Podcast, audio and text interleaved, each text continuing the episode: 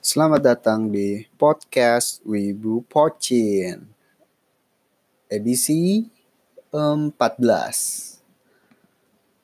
Ya, di chapter kali ini gue bakal bahas One Piece chapter 930 dan selain itu mungkin gue bakal bahas ada beberapa chapter yang gue lagi suka sih. Maksudnya ada beberapa serial yang beberapa minggu ini tuh lagi top banget.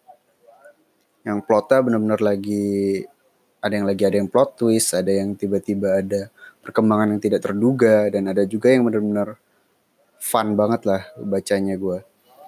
Uh, mungkin yang pertama uh, Doctor Stone itu terakhir chapter 90 dan sebenarnya gue ini apa ya bukan serial yang cocok buat dibahas atau didiskusiin atau dibuat detail breakdown analisisnya karena uh, memang simple. Mereka lebih ke mereka kurang apa ya bisa bilang hmm bener-bener science driven. Maksudnya plot progression mereka itu memang tergantung apa yang mereka lakukan di setiap chapter gitu. Jadi uh, kalau gue bilang kalau misalkan gue mencoba melakukan breakdown ya palingan chapter ini mereka bikin balon udara. Chapter berikutnya mereka mencoba uh, menaiki balon udara tersebut. Chapter berikutnya menggunakan balon udara mereka mencari sumber daya alam. Chapter berikutnya mereka menemukan uh, sumber daya alam apa namanya padi-padian. Dan chapter berikutnya mereka berusaha membuat teknik atau teknologi agrikultur. Kayak bakal gitu-gitu doang tapi uh, kalau kalian baca sendiri itu tuh bener-bener enjoyable.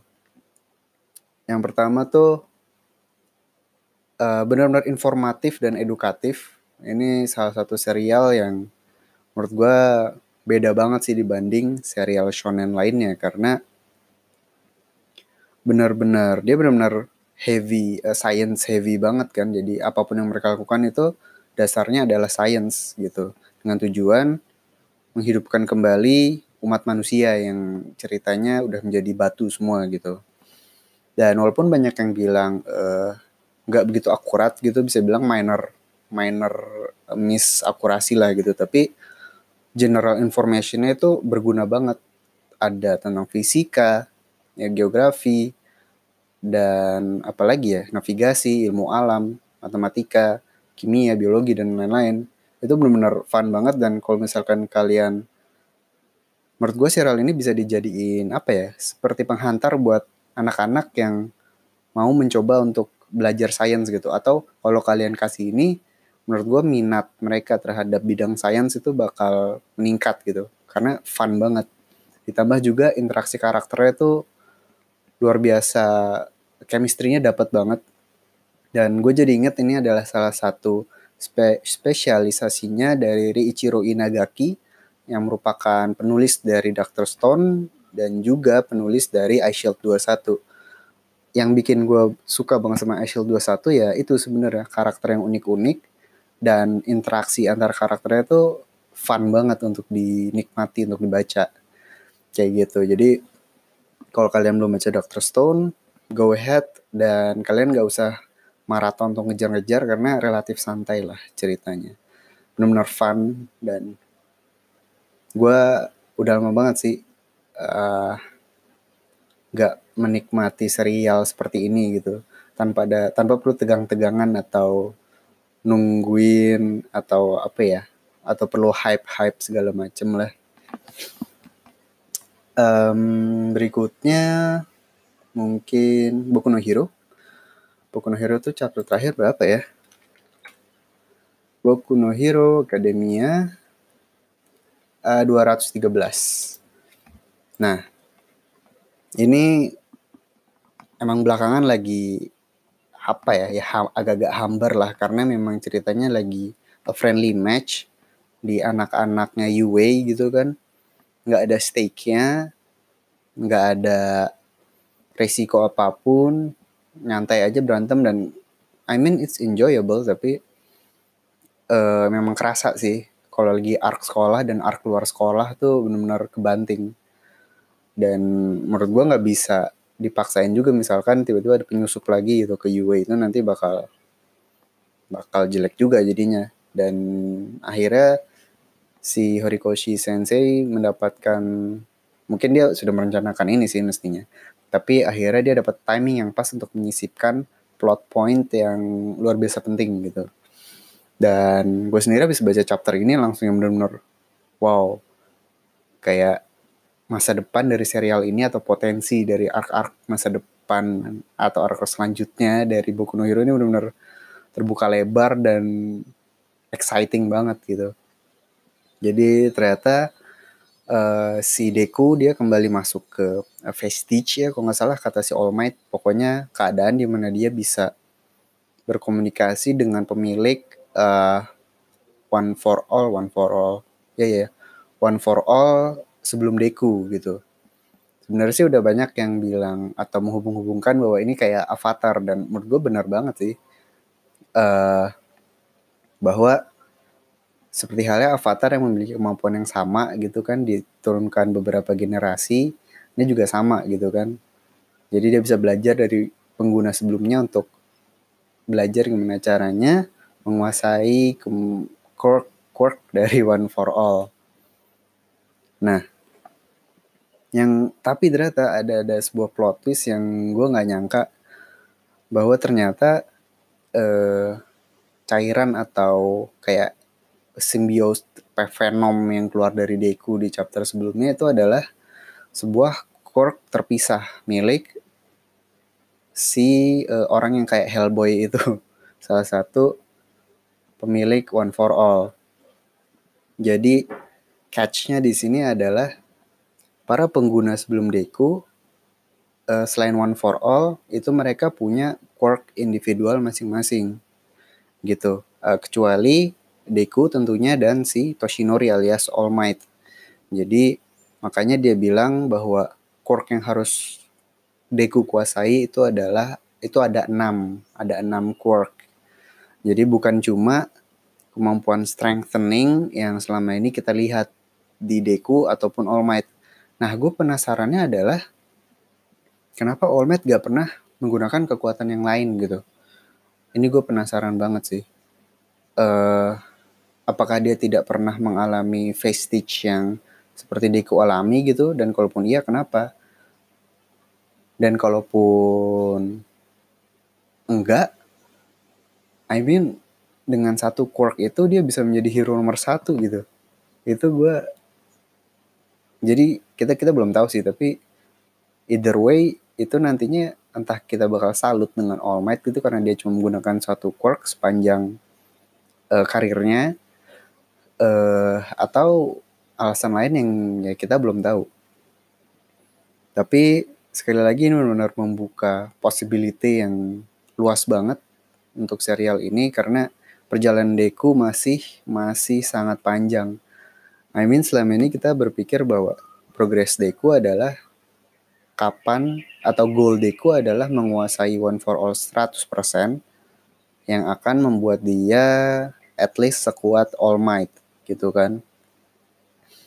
Tapi ternyata uh, Deku belum nyampe ke sana walaupun dia sudah um, mendapatkan atau berhasil mengaplikasikan One for All dengan berbagai cara yang kreatif gitu tanpa harus membe membebani tubuhnya uh, ternyata ada tantangan baru yang harus dia kuasai gitu untuk menjadi hero nomor satu bahwa dan sebuah advantage juga sih bahwa ternyata Deku memiliki lebih dari satu quirk thanks to one for all.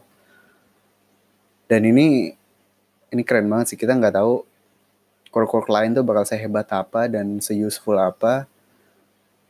Tapi wah keren banget sih serius deh. Dan mungkin ada clue-nya katanya kan uh, kekuatan ini muncul karena dia marah. Terus katanya kunci dari penggunaan kekuatan adalah bagaimana cara mengontrol hati atau ya control the heart or something lah. Apakah uh, quirk-quirk yang lain ini tergantung sama emosi Deku? Mungkin kalau dia marah gimana, kalau sedih kenapa, kalau sedih keluarnya apa gitu kan kalau marah keluarnya apa tapi entahlah dan yang paling menarik sih yang paling banyak orang apa ya hubung-hubungkan gitu setelah kemarin dihubungkan dengan Avatar sekarang dihubungkan dengan Flame of Reka. Um, mungkin kalau buat kalian belum tahu ini serial tahun 90-an gitu tayang di Indo 90-an akhir ya 90-an akhir menjelang 2000 awal. Pokoknya tuh zaman-zaman uh, serial anime weekdays gitu. Jadi kita tahu kan ada serial anime atau kartun di Sabtu dan Minggu. Tapi ada juga yang tayang waktu kita pulang sekolah tuh. Biasanya ada yang tayang waktu maghrib ada juga yang tayang asar lah gitu. Pokoknya di situ.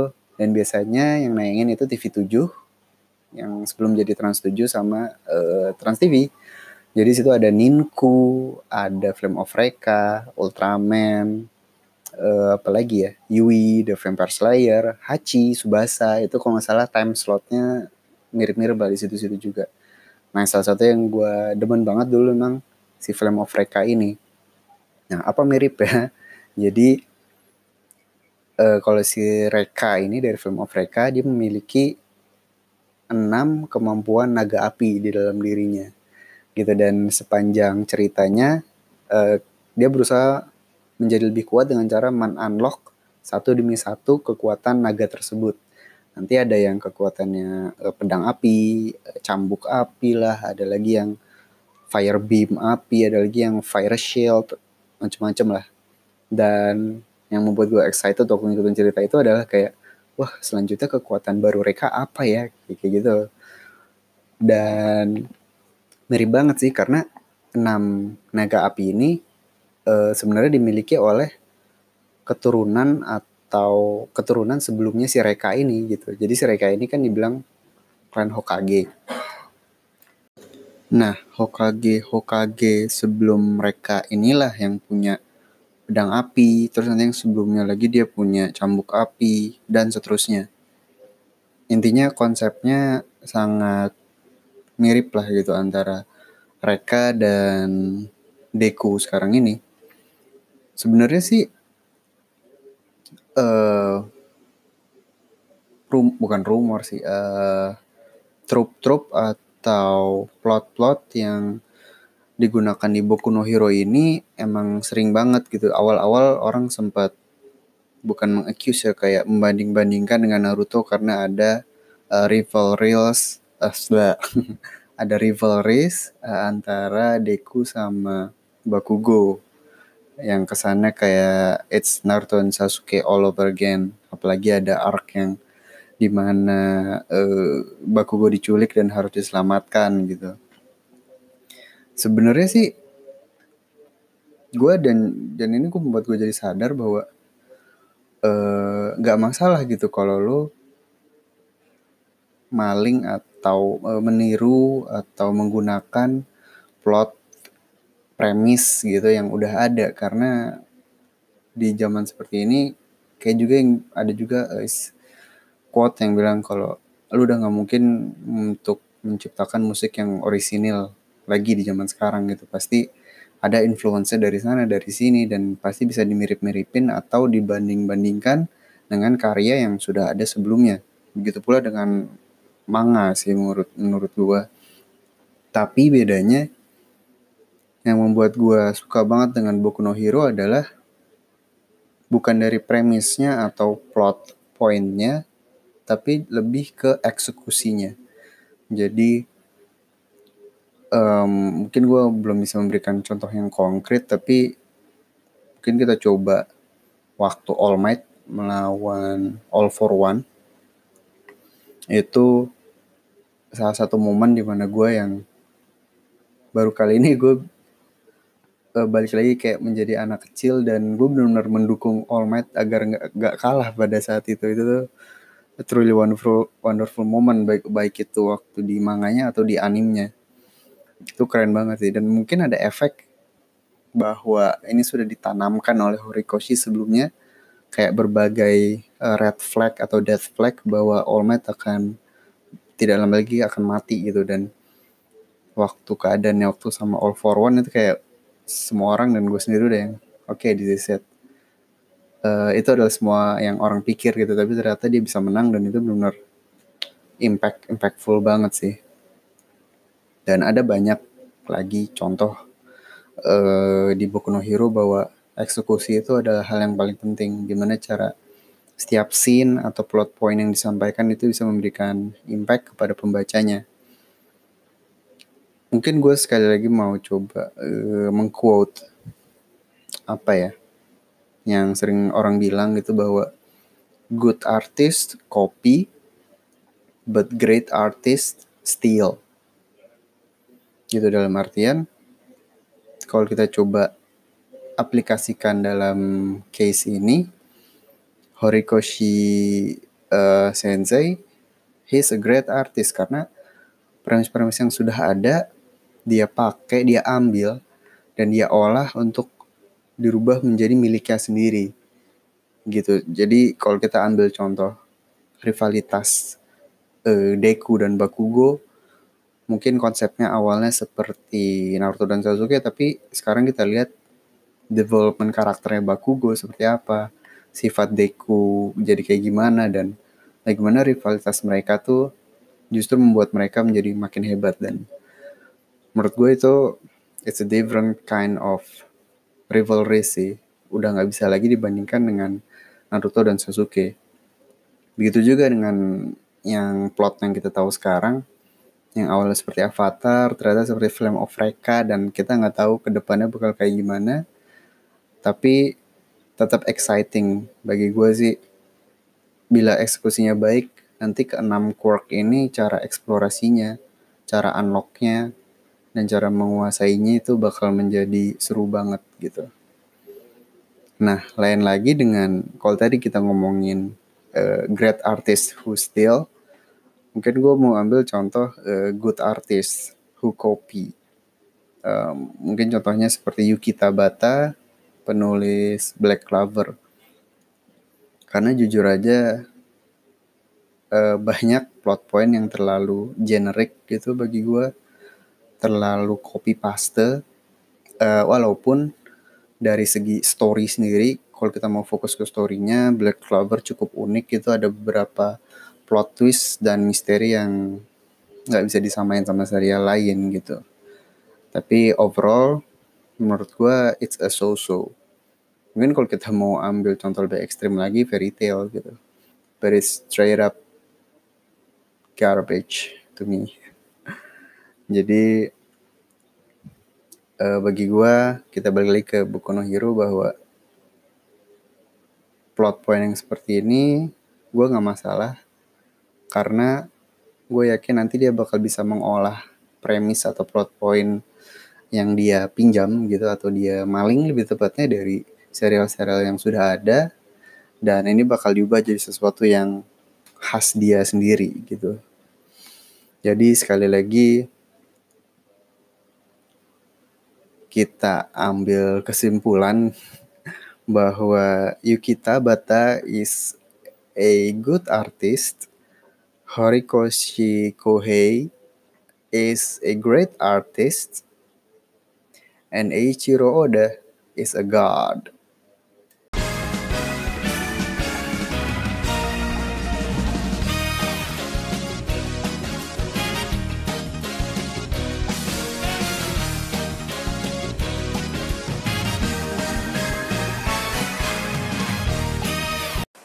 One Piece chapter 930 dengan judul Kota Ebusu. Ebisu.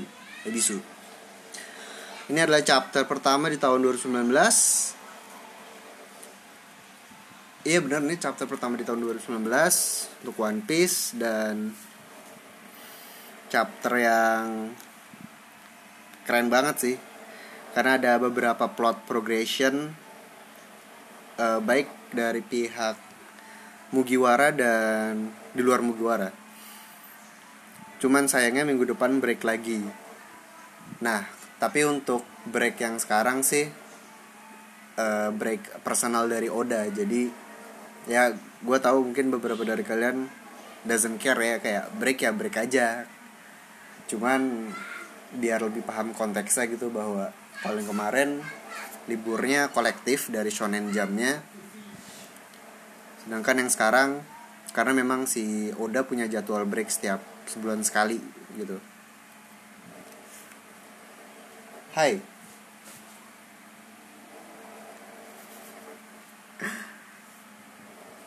Chapter ini dibuka dengan cover page-nya masih request uh, pembaca. Dan kali ini salah satu request paling aneh sih atau paling absurd yang pernah gue lihat karena emang sih belakangan Oda mulai menerima request untuk karakter di luar uh, Straw Hat, di luar Mugiwara.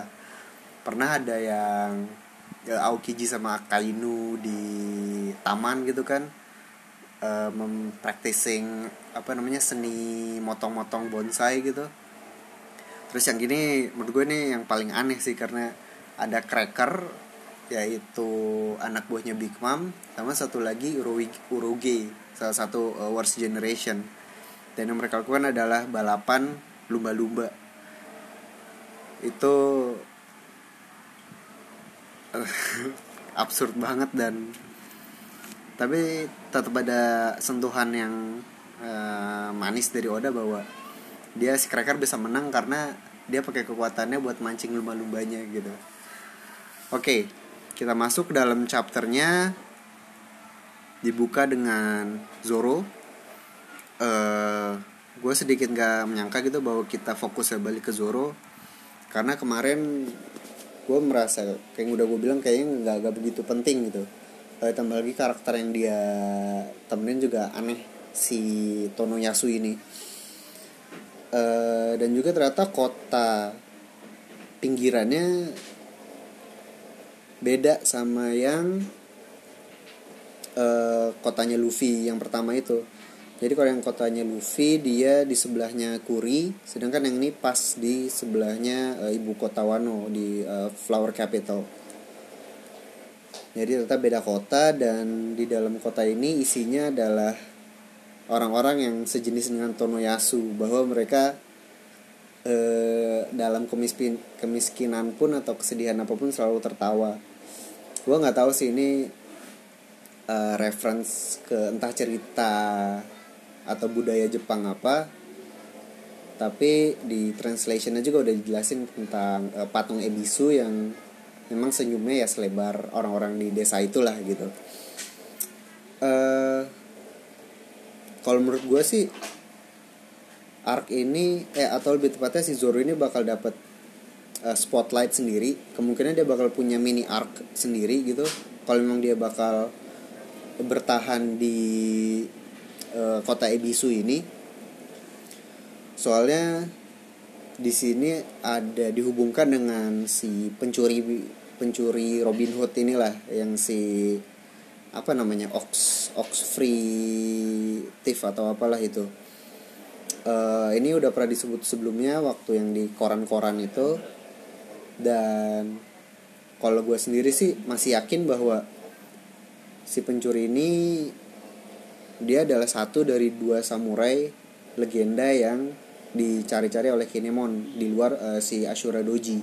Jadi kan dia emang nyebut tiga samurai top yang pengen dia temukan adalah uh, Ashura Doji, Kawamatsu dan Denjiro. Jadi feeling gue sih si pencuri ini ya kalau nggak Kawamatsu Denjiro gitu. Dan uh, satu hal unik lagi mungkin dari scene ini adalah bahwa Zoro kan memang ya salah satu yang paling jarang senyum lah emang paling serius gitu. Mukanya lempeng dan uh, sangar lah gitu. Dengan adanya orang-orang di kota ini jadi nggak tahu sih mungkin kalau setelah cerita mini arc Zoro jadi lebih murah senyum atau gimana mungkin entahlah mungkin bakal menarik gitu untuk kepribadian dia dan juga interaksi dengan Straw Hat yang lain ke depannya. Oke, okay, uh, and that's about Zoro. Kita pindah ke scene berikutnya yang wow what what a treat ini scene yang gokil banget sih dan oh iya gue lupa uh, di scene biasa tadi gue yakin si bocah yang senyum-senyum itu yang makan minyak Sanji pasti ya dari desa Ebisu juga karena ya personalitinya mirip sih. Uh, yaitu tertawa di keadaan apa pun. Mungkin nanti bakal disambungin juga dengan ceritanya si Zoro ini. Uh, anyway scene berikutnya tiba-tiba memperlihatkan Kaido yang sedang panik yang cuma bisa marah-marah sama anak buahnya karena ternyata uh, ada sosok yang berusaha masuk ke dalam teritori Kaido atau teritori Wano. Dan siapa lagi kalau bukan Charlotte Lin Lin alias Big Mom. I mean gila sih an absolute madlet kayak datangnya benar-benar full force dia pakai kapal induknya uh, namanya Queen Mama Chanter yang bisa ngomong itu dan dia bawa anak buah yang top tiernya lah gitu. Uh, ini gila banget sih dia benar-benar dia dia berarti serius memang pengen ngincar kepalanya Luffy dan dia nggak peduli entah itu dia di daerahnya Kaido atau di mana pun itu. Nah yang menarik di sini adalah tentu line up atau anak buah yang si Big Mom ini bawa. Jadi kalau yang kita ya atau yang diperlihatkan di chapter ini untuk anggota-anggota yang topnya itu ada si Perospero, anak pertama yang punya kekuatan uh, permen-permen itu. Terus ada juga Sweet Commander uh, Smoothie. Terus ada lagi si Daifuku yang bisa manggil jin dengan asapnya itu ada juga si Montdor yang kekuatannya buku-buku bisa nyimpen orang dalam buku ya kalau nggak salah. Sama satu lagi si Flampe uh, si cewek annoying yang awalnya fangirling sama Katakuri cuman akhirnya malah dibully-bully juga abis ngeliat mulutnya. Dan untuk orang-orang yang absen gitu uh, karena banyak juga yang nggak kelihatan ini dan gue nggak tahu alasannya tapi kita tidak melihat cracker. Kita nggak melihat si oven yang kekuatannya hit hit wave itu kita juga nggak ngeliat si snack salah satu mantan sweet commander. Kita nggak ngeliat puding. Kita nggak ngeliat uh, pekoms dan tamago. Kita nggak ngeliat brule dan tentu saja yang orang-orang tunggu tapi ternyata nggak ada yaitu katakuri Nah sebenarnya sih ini nggak usah mikir jauh-jauh kayak ya simpel aja. Pasti ini Big Mom meninggalkan teritori Whole Cake Island gitu. Mesti ada yang jagain kan. Nah ya udah di sini kemungkinan orang-orang yang terlihat disuruh jaga kandang. Uh, dan terutama kata Kuri sendiri memang apa ya statusnya memang second strongest di Whole Cake eh di Big Mom Pirates. Kita udah tahu itu dan wajar kalau dia yang ditugaskan untuk ngejagain Whole Cake Island. Walaupun uh, rasanya kayak line up yang dibawa Big Mom sendiri kayak kurang aja gitu. Soalnya dia mungkin dia mengincar Luffy tapi dia sendiri melakukan itu di teritorinya Kaido. Jadi wajar kan kalau ada resistance dari Kaido dan anak buahnya. Uh, alasan lain mungkin Katakuri masih recovery dari battle sama Luffy uh, walaupun Luffy udah sembuh gitu kan tapi kita tahu recovery speed Luffy itu sangat-sangat abnormal. Uh, tapi ya itu aja sih palingan. Kalau mau berpikiran aneh-aneh mungkin apa mungkin ada konsekuensi gitu setelah insiden uh, pernikahan Puding dan Sanji. Entahlah soalnya si Brule nggak kelihatan gitu kan. Dia dia kan memang uh, dekat banget sama Katukuri apakah karena dia berusaha melindungi katakuri terus terjadi sesuatu gitu? Uh, dan soalnya juga si puding nggak kelihatan nih. Atau ya simply dia beralasan bla bla bla pokoknya biar nggak ketemu Sanji aja mungkin. Um, anyway mereka berusaha masuk ke teritori Wano dengan informasi uh, intel yang mereka punya gitu. Entah berapa tukang nasi goreng yang mereka punya.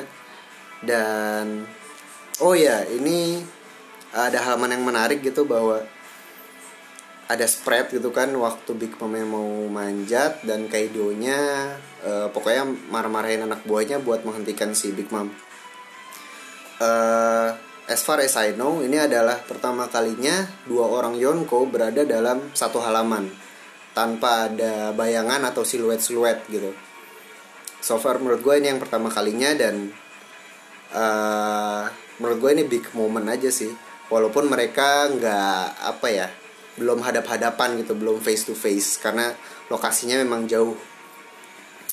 Uh, atau kalau misalkan mau kalian bandingkan kayak waktu perang perang apa namanya perangnya Whitebeard tuh uh, Blackbeard dan Whitebeard tapi waktu itu si Kurohige belum jadi Yonko terus waktu Shanks datang ke perang kayaknya Whitebeardnya udah udah mati udah mati duluan. Jadi uh, menurut gue ya benar sih. Ini adalah pertama kalinya dua Yonko berada dalam satu halaman di One Piece. Uh, dan Kaido sendiri juga marah-marah doang. Hmm, mungkin karena posisinya jauh ya wajar sih. Karena air terjunnya itu adalah pintu masuk Wano dan Onigashima juga wajar kalau ada di ujung-ujung Wano pasti di tempat yang tersembunyi uh, yang lebih gilanya lagi adalah semua usaha Big Mom dihentikan oleh uh, satu orang saja yaitu King salah satu All Stars yang mestinya adalah paling kuat. Bisa dibilang second strongestnya apa namanya Beast Pirates lah. Mungkin in a way bisa dibandingkan dengan Katakuri gitu sejajar. Dan ternyata dia memiliki kemampuan lagi-lagi Ancient Zoan tapi dia sekarang ini adalah dinosaurus Petranodon yang bisa terbang itu. Dan ini udah fix sih kayaknya untuk semua anggota Flying Fighters yang ada si X3K itu enam orang terkuat headliners. Dan All Stars isinya fix lah mestinya Ancient Zoan semua. Uh, total mereka ada 9 orang kan. Uh, kita udah, udah lihat empat dinosaurus dan satu hewan purba non dinosaurus yaitu uh, mammoth untuk sisa empat lagi ya bisalah dinosaurus dinosaurus lainnya. Atau mungkin kalau menurut gue sih sisa hewan purba yang keren itu adalah sabertooth. Jadi wajar sih kalau satu salah satu dari mereka punya kekuatan itu. Uh, King uh, menjatuhkan kapal Big Mom sekali tendang dan tanpa diduga juga oleh Big Mom. Terus kayak udah ya udah gitu aja. Dengan simpelnya dia menggagalkan usaha Big Mom. Kapalnya tenggelam. Kita lihat Big Mom jatuh ke laut gitu. Uh, yang artinya dia bakal kesusahan buat recover karena dia punya kekuatan buah iblis kan. Jadi kalau dari kalau menurut gua sih ini kayak sekedar apa ya mungkin alert aja gitu dan tentu aja buat nambahin hype bahwa dia benar-benar ada di sini dia serius. Cuman waktu kemunculan dia yang sesungguhnya itu nantilah gitu entah kapan. Tapi uh, kita semua tahu bahwa itu akan terjadi. Jadi nggak kayak yang tiba-tiba aja gitu tanpa penjelasan tiba-tiba dia muncul. Dan ya kemungkinan nanti munculnya begitu udah chaos chaos banget gitu tiba-tiba dia bakal muncul dan bakal rusuh banget sih. Uh, ngomong juga banyak yang kayak komen gitu di forum-forum bahwa oh kalau misalkan ada seseorang yang bisa melihat masa depan pasti King bisa digagalkan cuman ya menurut gue ini salah satu bukti bahwa kata Kuri emang nggak ikutan uh, untuk sebagai apa ya pasukan yang menyerbu Wano sih oke okay. uh, eh, setelah ini kita pindah ke scene berikutnya balik ke Straw Hat. Dalam scene ini kita melihat Frankie, uh, Usop, Lau dan juga Sanji yang lagi kabur gitu dari kejaran Flying Fighters dan headliners yang lain gitu setelah insiden Sanji dan toko sobanya. Uh, mereka kabur tentunya karena Lau sendiri sudah menekankan berkali-kali bahwa Tujuan utama dari misi mereka adalah penyerbuan di Pulau Onigashima waktu festival api. Jadi uh, benar-benar memprioritaskan uh, stealth uh, dibandingkan dengan uh, all out attack. Karena ini bukan masalah menang atau kalah tapi lebih ke begitu informasinya bocor persiapan mereka yang karena memang masih menunggu lama gitu. Mereka masih perlu menunggu beberapa hari dua minggu kalau nggak salah sebelum festival tersebut. Jadi benar-benar tujuannya memang 100% surprise attack waktu lagi festivalnya gitu. Dan dan ya sejalan lah dengan yang mereka lakukan sekarang. Cuman ya memang anak-anak topi jerami gak biasa dengan misi kali ini. Jadi allow bertindak sebagai babysitter lah gitu buat uh, Usop dan kawan-kawan saat mereka lagi ngobrol juga ada beberapa exchange yang lucu gitu kan bahwa Usop berhasil uh, menipu Sanji untuk melindungi dia karena memang defaultnya Sanji ini uh, only protects the women gitu kan only protects the lady. Dan walaupun kayak gitu faktanya selama ini khususnya sebelum New World sebelum Timeskip Sanji sering banget menjadi uh, protector dari anggota-anggota Straw Hat yang lebih lemah gitu. Khususnya mereka yang sering disebut sebagai trio lemah yaitu Nami, uh, Chopper sama Usopp.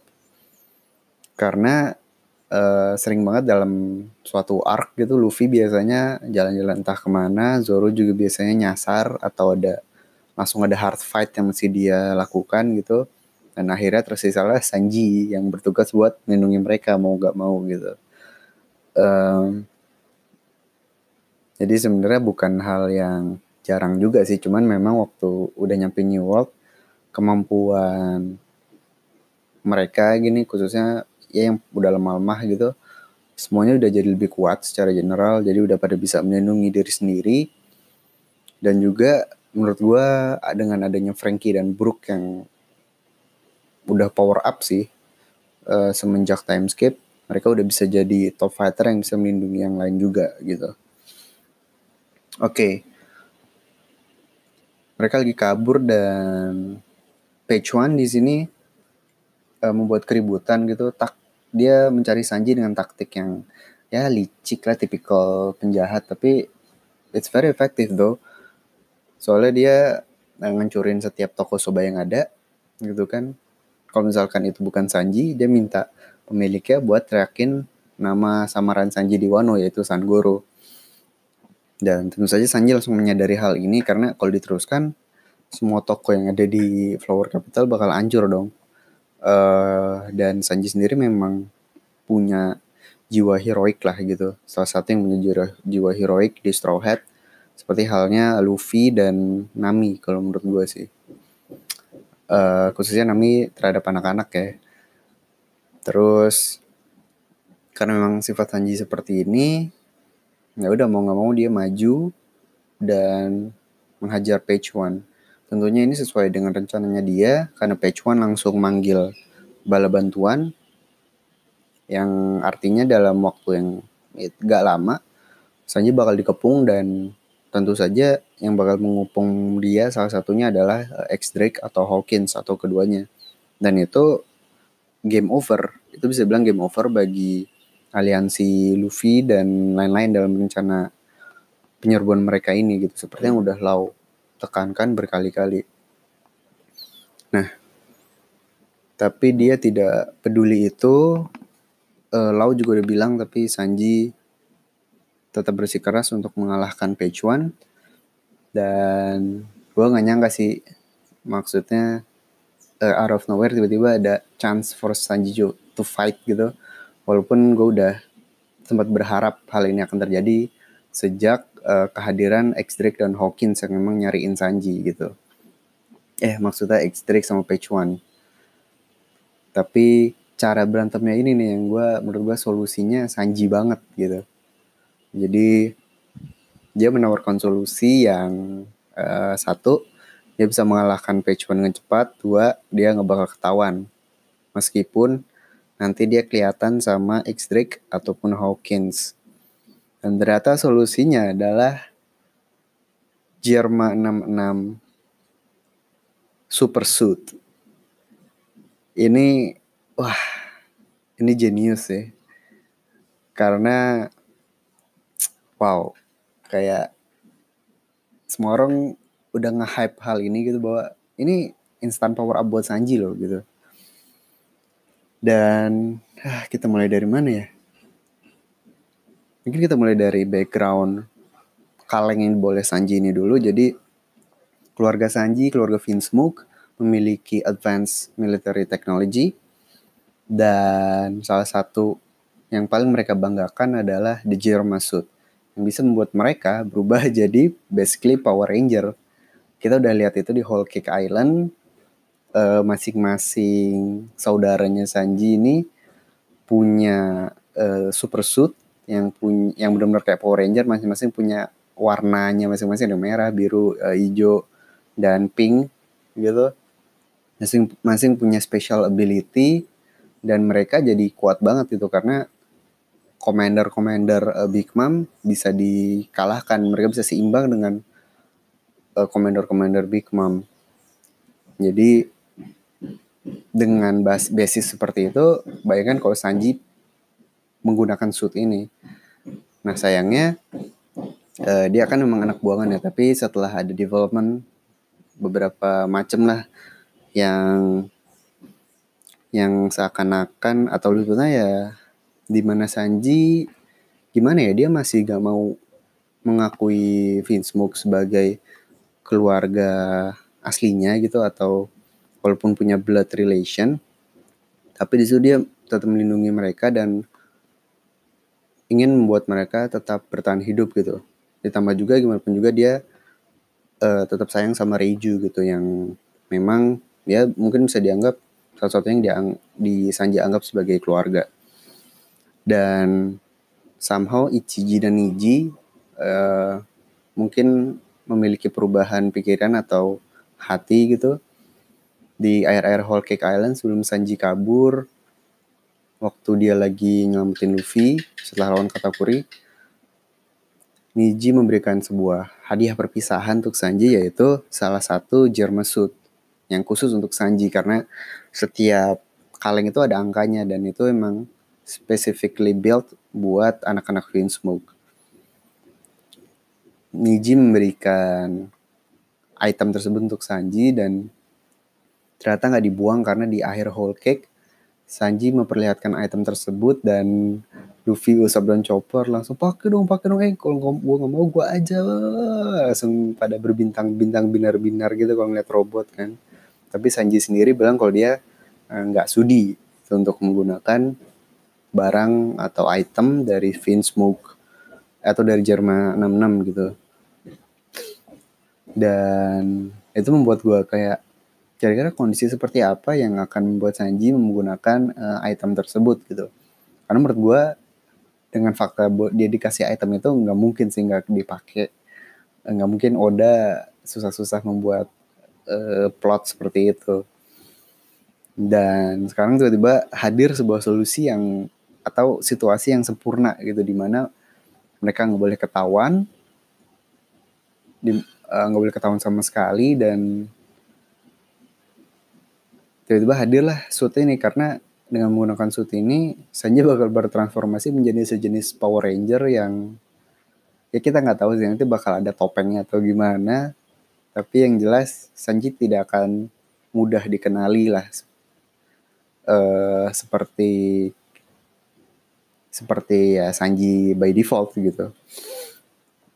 Dan ini gue bener-bener hype up karena gue sendiri memang tim Sanji gitu gue bukan tim Zoro. Uh, eh, gue bener-bener udah lama banget menantikan one versus one fight untuk Sanji. Tambah lagi kali ini uh, dia bakal bertarung menggunakan power up yang 100% ini 100% pasti Sanji bakal jadi kuat banget dengan menggunakan Jermasut ini. Nah, pertanyaan berikutnya adalah Seperti apakah wujud Sanji yang menggunakan Jermasut? Karena kita tahu Oda senang banget ngerjain Sanji dari dulu. Nasibnya yang buruk dengan perempuan. Uh, saat latihan time skip 2 tahun dia sama Banci di Pulau Banci gitu kan. Dididik oleh Raja Banci. Dan berbagai hal buruk lainnya lah yang sudah menimpa dia. Jadi oh juga ada Duval gitu kan yang absurd banget. Jadi sangat-sangat gak aneh kalau desain uh, baju Power Ranger ya Sanji nih bakal memalukan atau aneh banget lah. Mungkin kita mulai dari uh, warnanya dulu. Warnanya udah hampir dipastikan kuning menurut gue karena uh, Power Ranger emang basicnya di mana-mana pasti ada merah biru. Merah biru kuning pink. Merah biru kuning pink terus biasanya entah ada hijau hitam atau abu-abu lah gitu. Uh, standarnya kayak gitu. Nah baju warna kuning itu biasanya adalah baju untuk cewek. Jadi ranger cewek pasti dia warna bajunya adalah kuning dan pink. Itu hampir pasti di semua Power Ranger. Entah itu yang versi Amerika atau yang versi Jepang Super Sentai. Dan ini membuat gue bertanya-tanya apakah suitnya Sanji ini jangan-jangan suitnya cewek gitu bakal ada roknya dan dada terbuka atau gimana gitu apakah Sanji akan menjadi Okama gitu kan setelah berbagai latihan yang dia alami atau penderitaan yang dia alami gitu. Di mana dia bisa jadi lebih kuat tapi dia jadi Okama. Ini sangat-sangat possible sih bagi gue tambah lagi setelah Orochi kemarin gitu kan desainnya seperti itu. Gue gue sih lebih condong ke Sanji akan mendapatkan power up yang memalukan gitu yang membuat dia kemungkinan gak bakal mau pakai lagi untuk selanjutnya. Karena bakal diketawain Straw Hat yang lain khususnya Zoro gitu. Jadi nah tapi kalau kayak gitu gimana ya? Sayang kan? Karena gue yakin dengan power up ini dia benar-benar bisa mengalahkan One dengan kalau bisa one hit malah. Gue yakin dia bakal jadi kuat banget dengan shoot ini gitu.